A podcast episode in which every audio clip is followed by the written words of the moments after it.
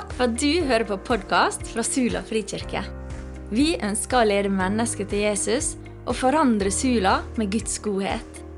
Denne talen er spilt inn på en av våre gudstjenester, som er på søndager klokka 11.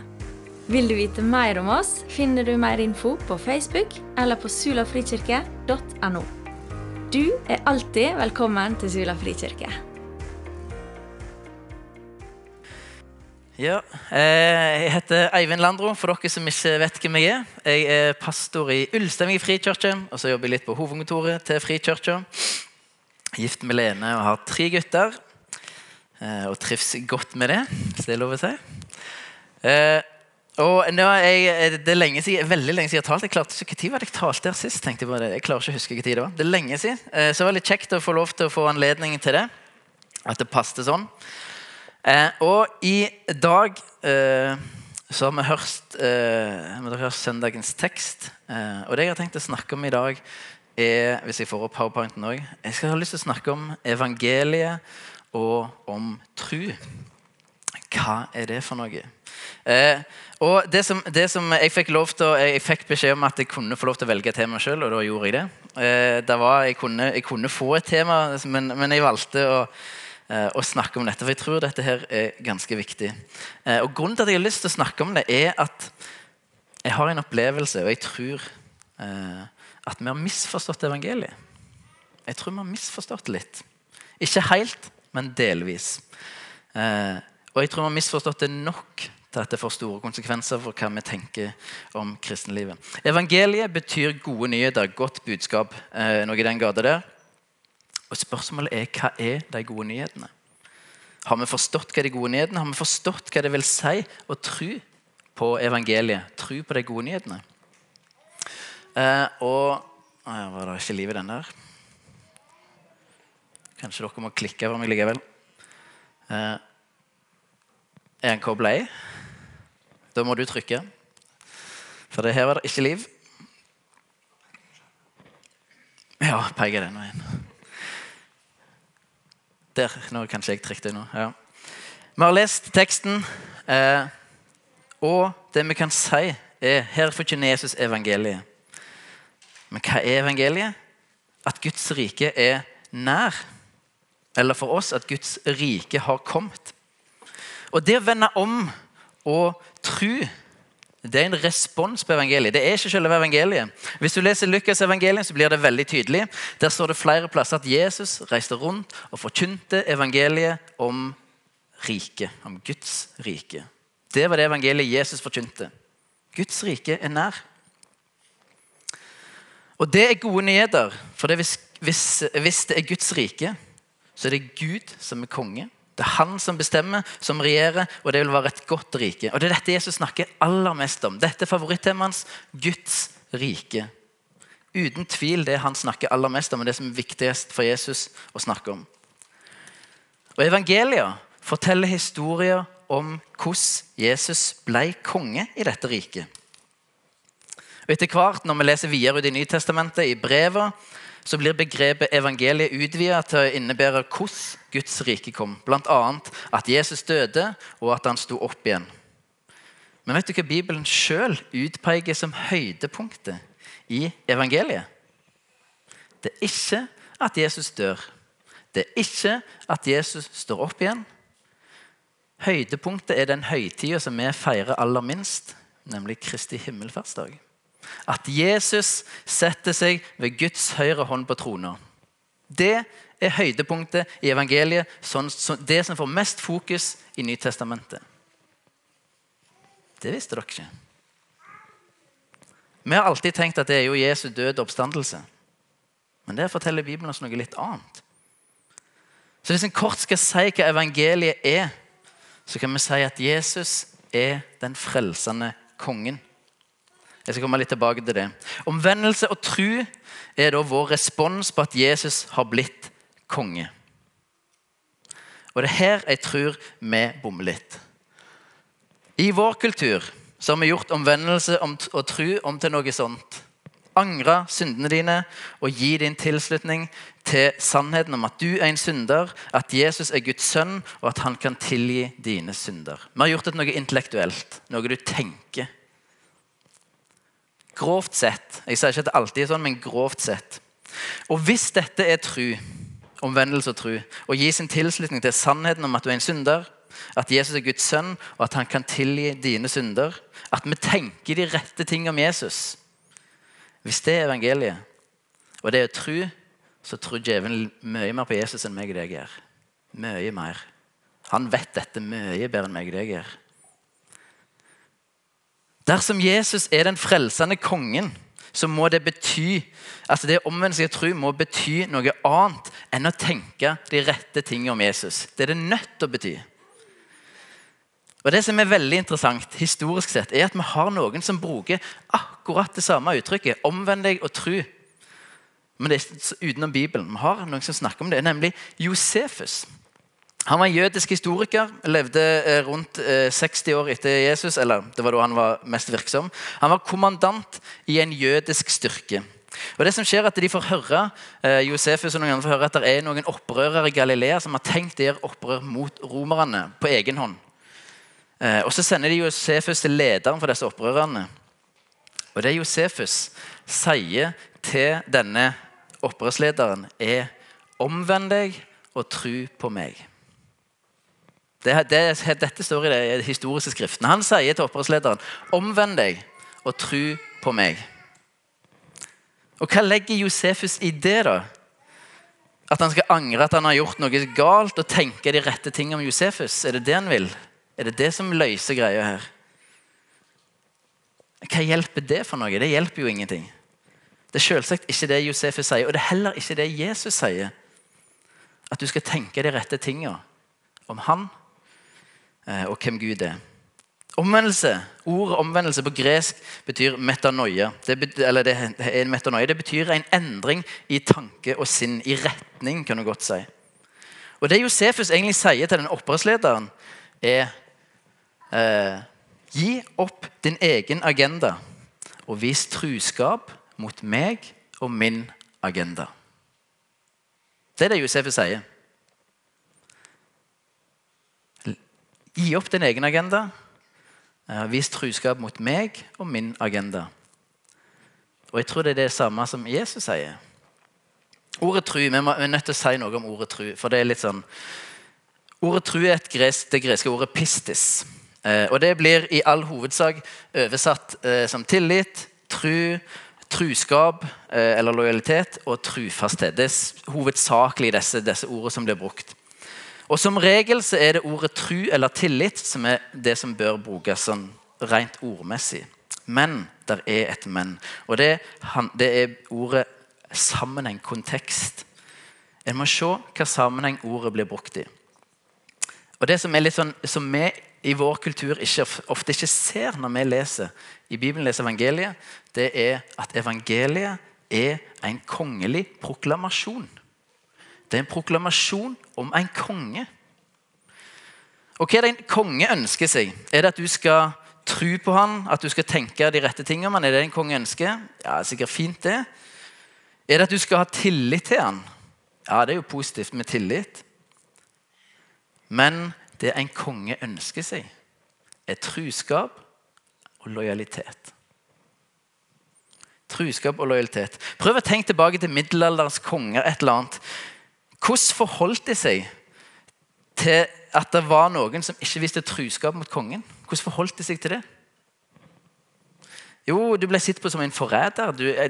enten ble du forvist, eller kanskje fengsla, kanskje tatt livet av. Det var ganske seriøst å ikke vise truskap til kongen. Ganske seriøse greier. Og Vi i Norge og i Vesten vi sliter med å forstå kongeperspektivet i Bibelen. For vår konge regjerer ikke. Vi har en konge, men han åpner bruer og tunneler. Det er stort sett det han gjør. Eh, vi lever i et demokrati der vi på ingen måte trenger å være lojal mot regjeringa. Vi må være lojal mot lovene, men vi er jo ikke lojal mot regjeringa. Hallo. Jeg er ikke lojal mot Jeg liker ikke regjering alltid. Jeg. Ikke i det hele tatt. Jeg syns, det, gjør mye rart. Jeg, ikke, jeg, men jeg må, jeg må, være lojal mot, mot, lovene våre. Men jeg er ikke lojal mot regjeringa. Vi sliter med å forstå dette kongesperspektivet. og Det trenger vi å forstå, for det er så gjennomgående i hele Bibelen. Vi trenger å forstå det.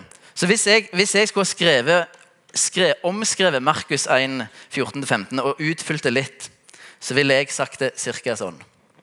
Jesus er den frelsende kongen. Gi opp din egen agenda og vis truskap mot kongen og hans agenda. Og Jeg er ganske overbevist om at det er akkurat det Jesus sier. Ikke ordrett, men i den gata der.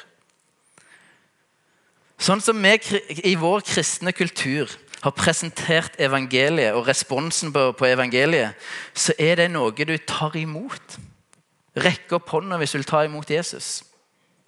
Og hvis du er heldig, så blir det sagt å ja, forresten, Jesus vil òg være herre i livet ditt. Sånn, en slenger det kanskje på. Min erfaring er at det blir sjelden sagt. Det blir sjelden sagt. Og jeg tror ikke at det er rett å si eller rett å gjøre. Nå er jeg ganske frimodig. Jeg tror ikke det. Vår respons på de gode nyhetene om at Jesus har blitt konge, de gode nyhetene om at Jesus er den frelsende kongen, er ikke å ta imot noe, men det er å gi vår truskap til kongen, for så å ta imot det som kongen vil gi. For Jesus er den frelsende kongen. Han er konge først, og så kommer frelsen gjennom at han er konge. Og at vi bøyer oss for kongen. Så frelsen kommer at vi gir opp vår egen agenda. Jeg gir opp min egen agenda. Og jeg blir lojal mot kongen sin agenda, mot hans mål, hans hensikt. Eller for å bruke Jesus sine egne ord Markus 8, vers 35.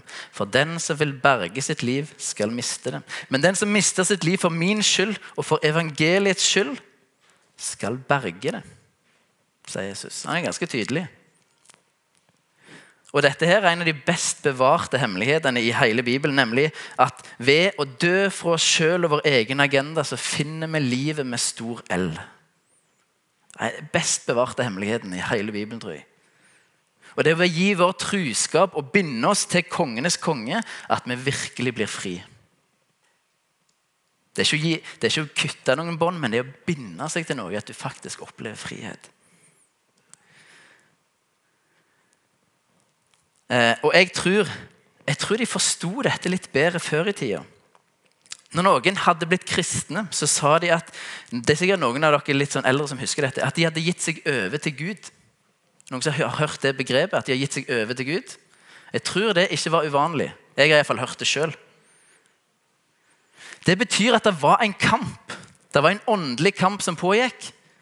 Og til slutt så måtte de kapitulere og gi seg over til kongen. Bøye seg for kongen. For det var en kamp om hvem som skulle være herre og ikke. Jeg tror de forsto dette litt bedre. Vi er ikke vant til å tenke sånn, dessverre. Eh, og nå, nå, er det jo mulig at du sitter og grubler litt over er der er egentlig noe kongefokus i Det nye testamentet. Så kanskje tenker Jeg har ikke lest så mye om det. Og jeg kan forsikre deg om at det er der. Men det er bare at du har ikke tenkt noe over det. Og Dette er et klassisk eksempel på at vi leser Bibelen uten å være klar over og tenke over hva som faktisk står der. Vi har bare litt vant til at det står der. Det er iallfall jeg skyldig i. Og Det jeg snakker om, er nemlig ordet Kristus. Kristus det er ikke etternavnet til Jesus, sånn som mange kanskje tenker. Det er en tittel. Kristus betyr den salvede. Og hvem var det som ble salva? Jo, det var konger. De som skulle bli konge, ble salva. Jødene venta på den salvede. De venta på en konge. De venta på Messias. Ergo de venta på en ny konge. Eh, og Kristus er brukt over 100 ganger fra apostelgjerningene utover i Nytestamentet.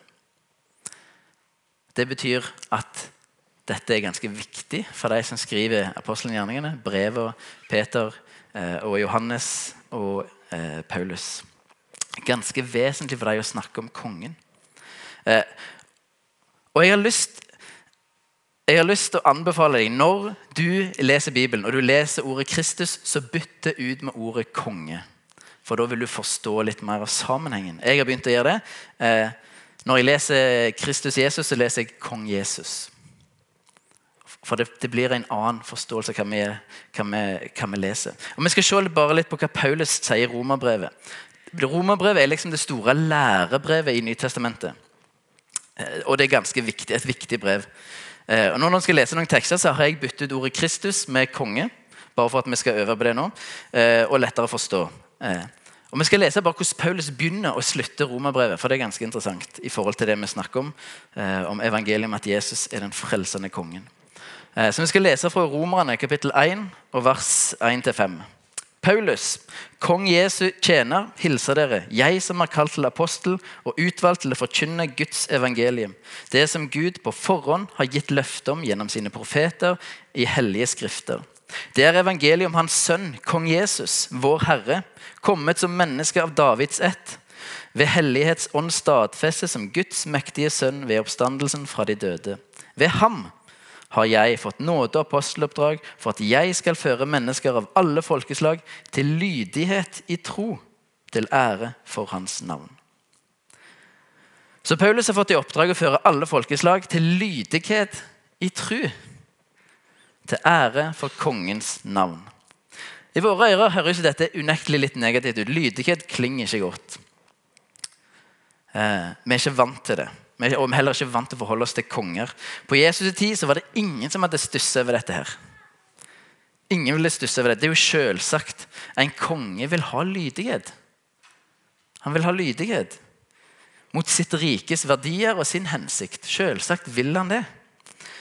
Og Når Paulus snakker om å føre folkeslag til lydighet i tru, hva, hva passer best å oversette tru med? Er det lydighet å tenke de rette ting om kongen? Er det det som er lydighet? Akseptere noen sannheter om kongene, er det, er det det vi tenker er lydighet i tru?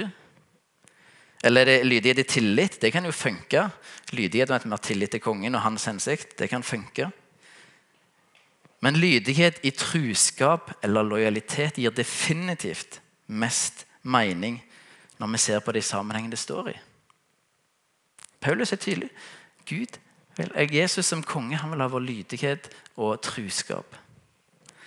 Eh, sånn starter Paulus romerbrevet. Hans mål er å føre folkeslag lydig, til lydighet, i truskap til kongen. Og vi er et av de folkeslagene. Målet er at du skal være lydig mot kongen i truskap til hans agenda. Det handler om kongens verdier, kongens mål og hensikt. Ikke dine verdier, ikke dine mål, ikke din hensikt, ikke din agenda. Eh, og hør hvordan han, Ikke avslutningen av brevet, men helt mot slutten. Eh, bare leser det òg.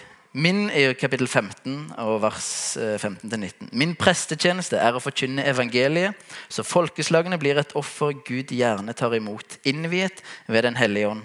I kong Jesus kan jeg være stolt over å ha denne tjenesten for Gud.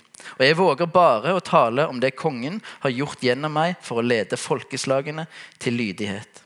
Dette har jeg fått gjøre i ord og gjerning, ved mektige tegn og under og ved åndens kraft, slik jeg nå har fullført forkynnelsen av kongens evangelium vidt omkring, fra Jerusalem og helt til Illyria.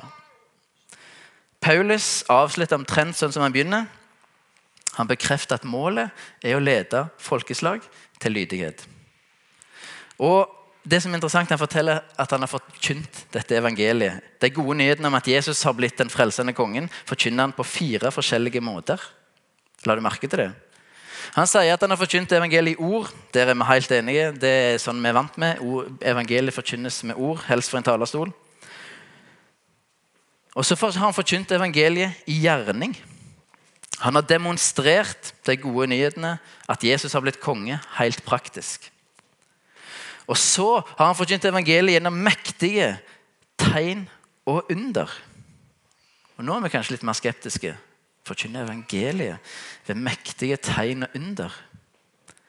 Men hvis du skal fortelle de gode nyhetene om at Jesus har blitt den frelsende konge som har all makt i himmel og på jord, og du har blitt delegert autoritet av denne kongen, er det ikke da ganske naturlig at disse gode nyhetene om en ny konge blir demonstrert ved å vise kongens makt.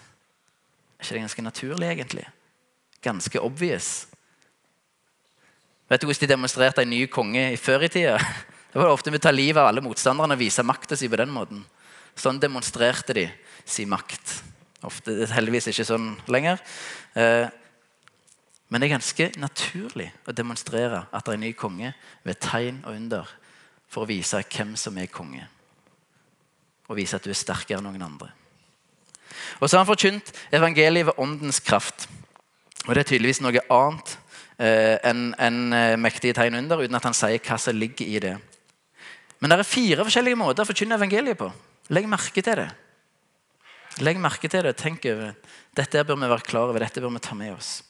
Og så avslutter Paulus romerbrevet. Det aller siste han sier, er dette. Lovet være Gud, Han som har makt til å styrke dere ved mitt evangelium, budskap om kong Jesus, ut fra åpenbaringen av det mysteriet som har vært skjult fra evige tider, men som nå er kommet for dagen. Gjennom profetiske skrifter og etter den evige Guds befaling er dette mysteriet blitt kunngjort for alle folkeslag for å lede dem til lydig tro.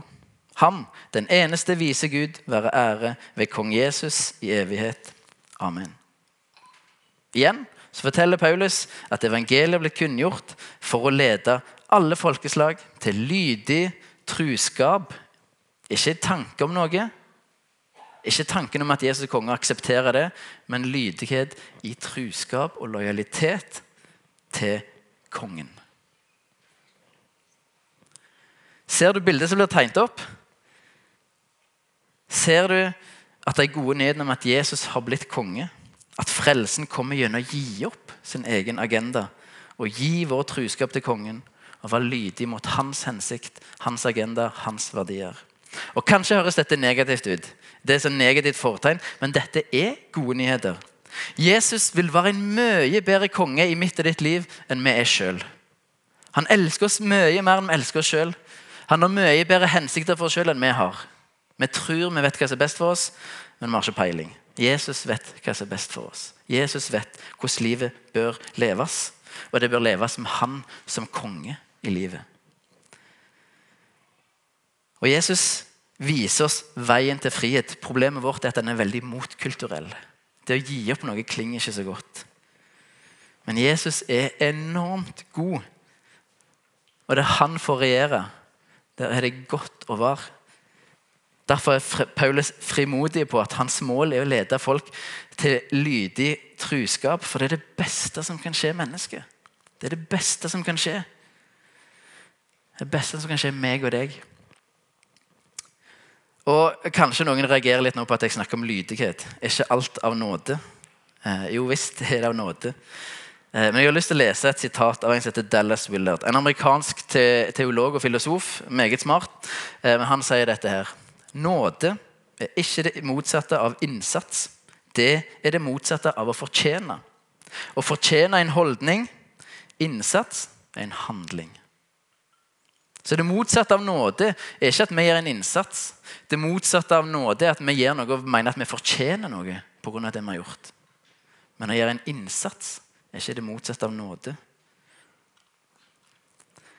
Hvis vi forstår at Jesus har blitt konge, og forstår hva det vil si at han er konge, og du har frivillig gitt opp din egen agenda og gitt din truskap til kongen og hans agenda, så er lydighet det mest naturlige vi kan tenke oss. Helt obvious, egentlig, hvis du forstår kongeperspektivet. Og så er det jo et, et sånn eh,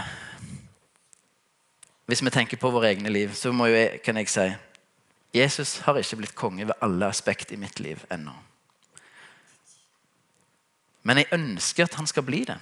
Jeg har en retning mot at Jesus skal få bli konge i alle områder av mitt liv. Og Jeg sier det, det, er, det, jeg tror retning er kjempeviktig. At min retning og din retning går mot at Jesus skal bli konge over alt i mitt liv. Og så er det også viktig at det ikke blir ei sovepute for å akseptere at Jesus ikke har fått blitt konge over. For det kan det lett bli. En tenker ah, økonomien Jesus, den tror jeg jeg styrer. Den er sikkert best jeg tar hånd om. Så kan du få det andre. Eller hva det nå enn er. Men målet må være at Jesus skal få bli konge over hele vårt liv. Og Det vil være en prosess. Det skjer ikke med et knips. Men det viktige er å ha en aktiv retning mot det at Jesus, jeg vil at du skal bli konge i alle områder av mitt liv.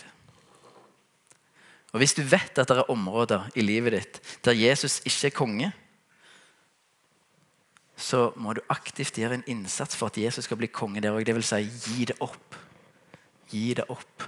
Overgi deg til Gud. Eh. Og så må jeg bare presisere, Dere hører ikke at jeg, det jeg sier, er at vi skal gjøre noe for å bli frelst. Det er ikke det dere hører nå. Bare sånn det er klart, for det er ikke det jeg sier. Men jeg sier at Jesus er den frelsende kongen, og han vil ha, og han fortjener vår lydighet og vår truskap. Han fortjener det, for han er konge. Han er konge. Hvis kong Harald hadde kommet inn her, så hadde vi reist oss på flekken. For han er konge, selv om han ikke er en sånn som regjerer, men i ren respekt. Der, vi trenger Det er helt naturlig eh, at vi gir vår truskap og lydighet hvis Jesus er konge. Det er helt naturlig. Og Hvorfor er dette viktig? Hvorfor gidder jeg å snakke om det?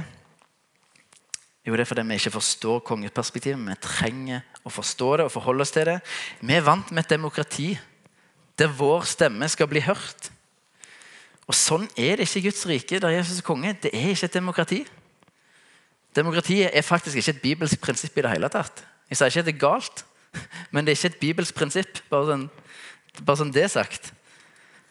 Eh, og Min frykt er at vi har blitt så vant med at vår mening skal bli hørt, at vi forholder oss til Jesus som en rådgiver mer enn en konge. En som heter Leslie Newbegin har sagt dette. Det hellige folket vil være de som har blitt satt til side til tjeneste for Kristus. De er et folk eh, som er annerledes enn de rundt seg. Annerledes fordi de har gitt sin ultimate troskap til Gud gjennom Jesus som Herre. Les Newbegin. han var eh, misjonær i, India i 40 år. En av de store misjonærene. Og når han kom tilbake til England etterpå, så ble han litt sjokka over kulturen han levde, altså hvordan ugudelig kulturen hadde blitt. Eh, og hvordan mye som handler om min egen fokus, min agenda, mer enn Guds agenda.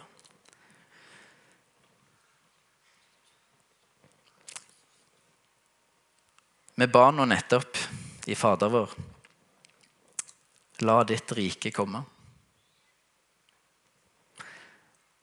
Og hvis, vi, hvis vi ber 'La ditt rike komme', så ber vi automatisk 'Mitt rike må gå'. Hvis, hvis du mener den bønna, 'La ditt rike komme', så må du samtidig si 'La mitt rike gå'. For du kan ikke ha to riker samtidig. Du kan ikke ha to konger. Det går ikke, det.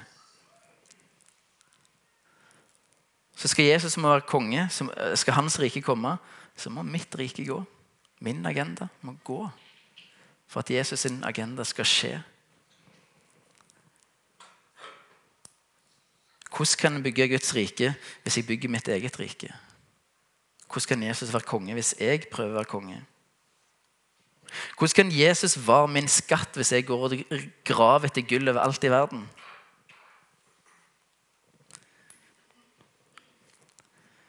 Jeg tror dette her er superviktig, og jeg tror vi trenger å forstå evangeliet. De gode nyhetene om at Jesus er den frelsende kongen, og vi trenger å gi det en rett respons. Jeg hadde egentlig tenkt å vise en sang. Jeg har ikke tid til det. Eh, men jeg har lyst til vi skal ha noen refleksjonsspørsmål. Noe jeg vil du skal tenke litt. Er Jesus konge eller en rådgiver i ditt liv? Hvordan forholder du deg til Jesus? Hvordan forholder du deg til Jesus? For det er fort gjort at han blir rådgiver. For det er vi vant med at vi er demokratiet og er min stemme. Og... Men, men hva er han i ditt liv? Konge eller rådgiver? Bygger du Guds rike, eller bygger du ditt eget rike?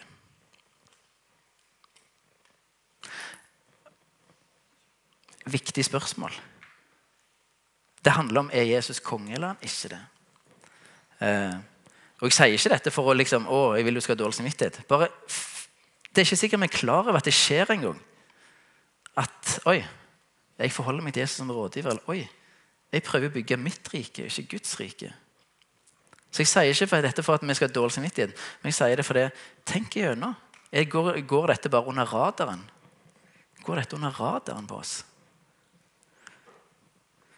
får Jesus feil plass? Eh, og så har jeg for, jeg, jeg har nettopp lest en bok som handler om, om, praksis. og At det er det som egentlig forandrer oss. Det er ikke hva vi tenker alltid, men det er hva vi gjør. Så jeg har et forslag til en praksis. Begynn dagen med å bruke noen minutter på å proklamere Jesus som konge ved ditt liv, over dagen, og reflekter over hvordan det vil se ut å ta opp ditt kors akkurat den dagen og i de situasjonene som ligger framfor deg. Et forslag til praksis som du kan gjøre hver dag for å begynne. Og ok, Jesus, jeg vil at du skal være konge. Jeg vil at du skal regjere. Jeg vil at det er ditt rike det skal handle om, ikke mitt rike. Din agenda, ikke min agenda.